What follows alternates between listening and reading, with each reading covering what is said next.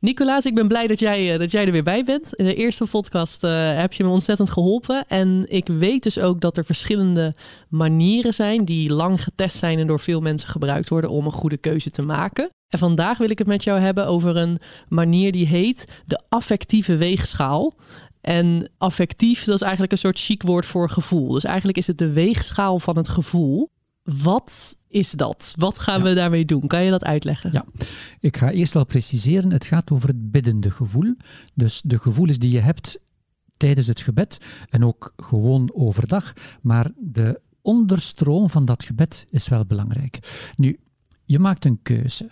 Bijvoorbeeld, hebben we het nu over studiekeuze. Het is dus belangrijk, vandaar ook het woord weegschaal, dat je kan afwegen tussen en tussen. Met andere woorden, dat je twee alternatieven hebt. Je hebt dus je goed voorbereid en je hebt nu twee, min of meer, gelijkwaardige alternatieven voor je mogelijke studie. Je gaat bijvoorbeeld, ik zeg maar iets, social work studeren, of je zegt nee, ik wil voor het basisonderwijs, ik wil PABO doen, ik wil juf of meester worden. Heel goed. Dat zijn twee degelijke studiekeuzes aan elkaar gelijkwaardig, degelijke keuzes. Daar rond kan je gaan afwegen.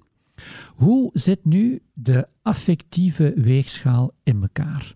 Je gaat in totaal twee weken de tijd nemen. Dat lijkt lang, maar inderdaad, de tijd is belangrijk om het te laten indalen.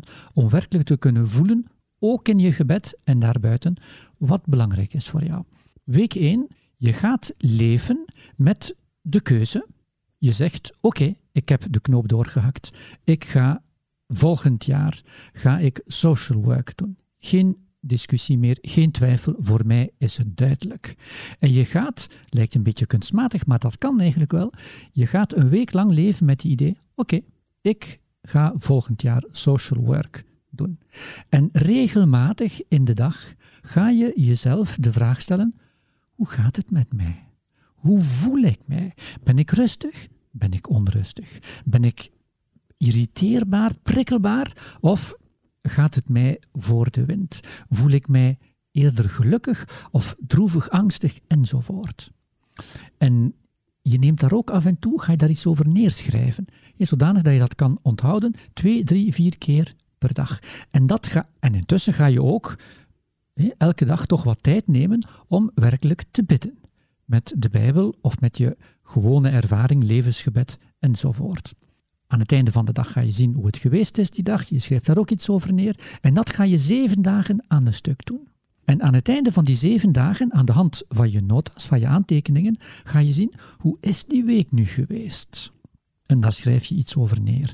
Luisterend in de eerste plaats dus naar je gemoedsrust of onrust.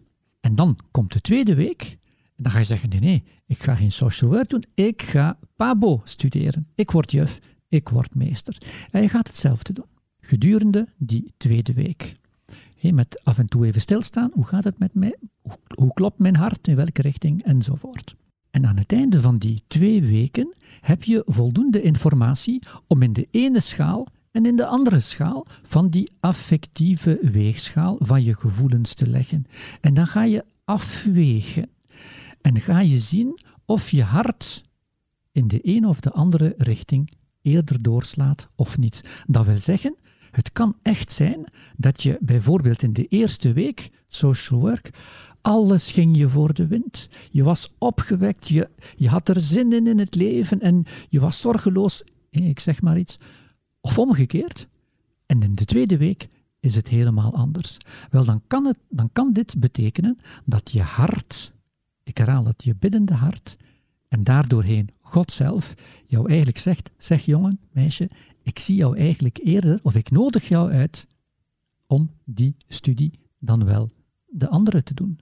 Dus je gaat echt met de volle overtuiging, dat is volgens mij wel belangrijk, een week lang leven alsof je de keuze al hebt gemaakt. Absoluut, absoluut. En dus niet dat je daar dan met Jan en allemaal moet over gaan praten. Hè. Dat is gewoon in de, in de intimiteit van je hart, zou ik zeggen, leef jij gedurende een week met de ene keuze en met het andere alternatief. En aan het einde van die twee weken ga je gaan afwegen en zien of de weegschaal doorslaat in de ene richting dan wel in de andere en soms niet. Dat kan ook gebeuren. Ja, want ik ben wel benieuwd. Want stel in die eerste week, ik, uh, we nemen jouw voorbeeld inderdaad. Ik ga helemaal erin. Ik denk, ik ga echt social work studeren. En stel, ik heb gewoon los van dat proces een toets op school die belangrijk is. En ik haal gewoon een dikke onvoldoende. Dan ben ik misschien die hele week chagrijnig omdat ik een onvoldoende heb gehaald. Maar heeft dat natuurlijk eigenlijk niks te maken met dat ik in mijn hart had, ik ga social work studeren. Hoe, um, hoe betrouwbaar is het dan nog? Ja, als er natuurlijk grote storende factoren, laat het mij zo noemen, voorkomen, die je werkelijk helemaal onderuit halen, ja, dan is het misschien beter om een weekje te wachten.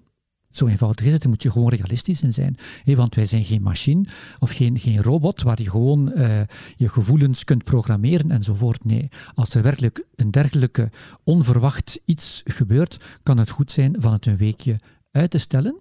Maar als het een gewone week is, en daar gaan we eigenlijk vanuit, waar je gewoon in het leven staat, een gewone week uit het leven van een leerling in het laatste jaar, dan uh, zijn de omstandigheden normaliter, je hebt altijd uitzonderingen, voldoende betrouwbaar om die methode van de affectieve weegschaal te kunnen gebruiken. Oké, duidelijk. En het is dus zo dat het goed is om gedurende de dag, zei je, een aantal keer daar gewoon bewust van te zijn en te bedenken hoe voel ik me nu. En dan aan het eind van de dag daar misschien een, een echt een moment voor te pakken. Dat moment wil ik het zo nog even over hebben. Daar hebben we iets voor bedacht. Maar hoe kan je dat nou goed doen, die kleine momenten tussendoor? Als ik gewoon super druk ben, bijvoorbeeld op school, uh, en ik ben met vriendinnen aan het praten. En uh, hoe, hoe kan je nou zo'n momentje hebben om er even bewust van te zijn? Wat is een tip daarvoor? Dus ten eerste, het hoeft niet lang te duren.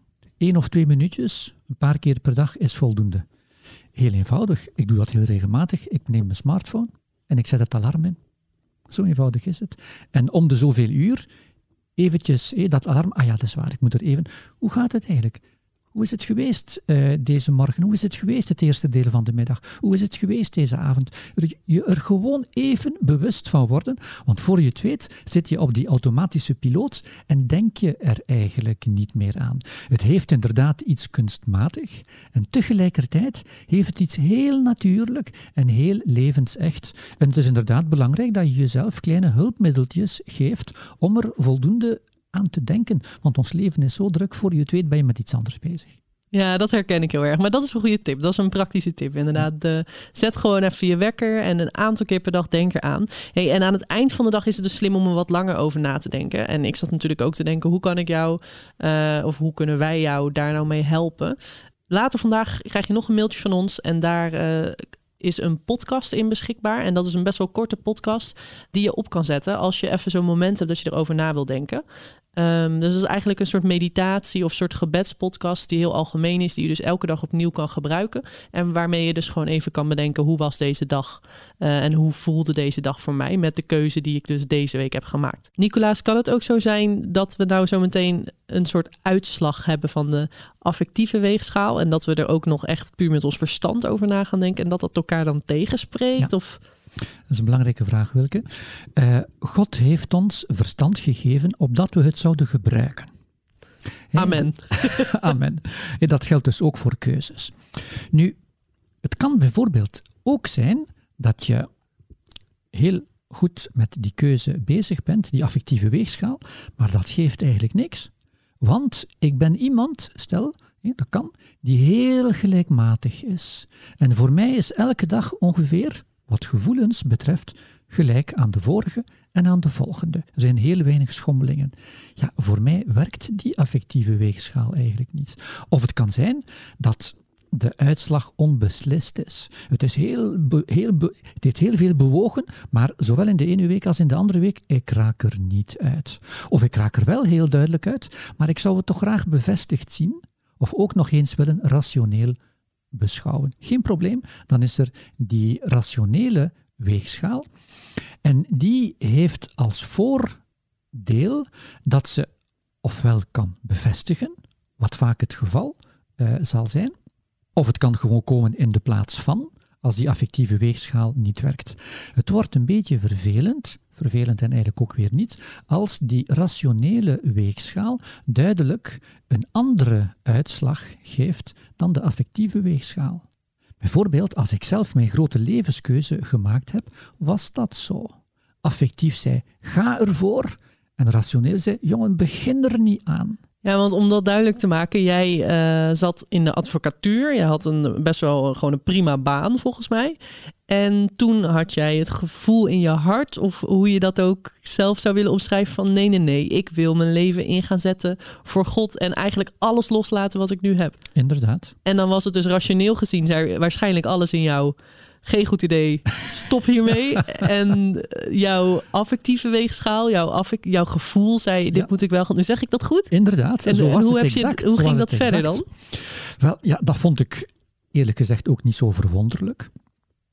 Maar ik heb daar toen, en ik niet alleen, samen ook met andere mensen naar wie ik raad gevraagd heb, ja, en dan, heb je het, dan ben ik tot het volgende gekomen. De ratio is heel belangrijk en nodig, maar de ratio, het verstand, heeft iets heel objectief, iets heel neutraal en eigenlijk heel weinig persoonlijk. Die ratio is ongeveer gelijk voor jou of voor mij. Terwijl datgene wat er gebeurt in mijn hart, ja, dat is super persoonlijk. Daar spreekt God op een unieke manier tot mij en tot elk mens in zijn of haar eigen hart. In die zin is de affectieve weegschaal eigenlijk een stuk betrouwbaarder. Of een want persoonlijker, want meer intiem, meer rechtstreeks verbonden met God. En dus zelf, als ik die keuze gemaakt heb, heb ik gezegd, ja, ik geef de voorkeur aan die affectieve weegschaal. Dat is intussen 30 jaar geleden. En ik ben er nog steeds heel dankbaar om dat ik vooral in de eerste plaats geluisterd heb naar die affectieve weegschaal. Want uiteindelijk leef je toch veel meer, uiteindelijk, uit je hart, uit je diepste gedrevenheid, dan uit de koele ratio, hoe belangrijk die ook is. Ik herhaal het. Ja, er is geen spijt van gehad van die keuze. Nee, zeker niet. Zeker niet. Mooi. Ik ga binnenkort spreken met uh, Wouter, mijn collega. En dan gaan we het iets meer hebben over die rationele kant. Want zoals Nicolaas nu ook zegt, die is wel degelijk belangrijk. Uh, Wouter vond het super moeilijk om een studie te kiezen. Heeft uiteindelijk iets gekozen waar hij helemaal niet in verder is gegaan. Dus daar gaat hij uh, nog het een en ander over vertellen. Ook ik persoonlijk vond het moeilijk om een studie te kiezen. Dus daar nemen we je dan nog in mee. en voor nu was dit hem dan, voor de, de affectieve weegschaal. dan ga je de komende twee weken mee aan de slag. Heel veel succes. We laten je niet alleen. Morgen heb je alweer bericht van ons. En heel veel succes.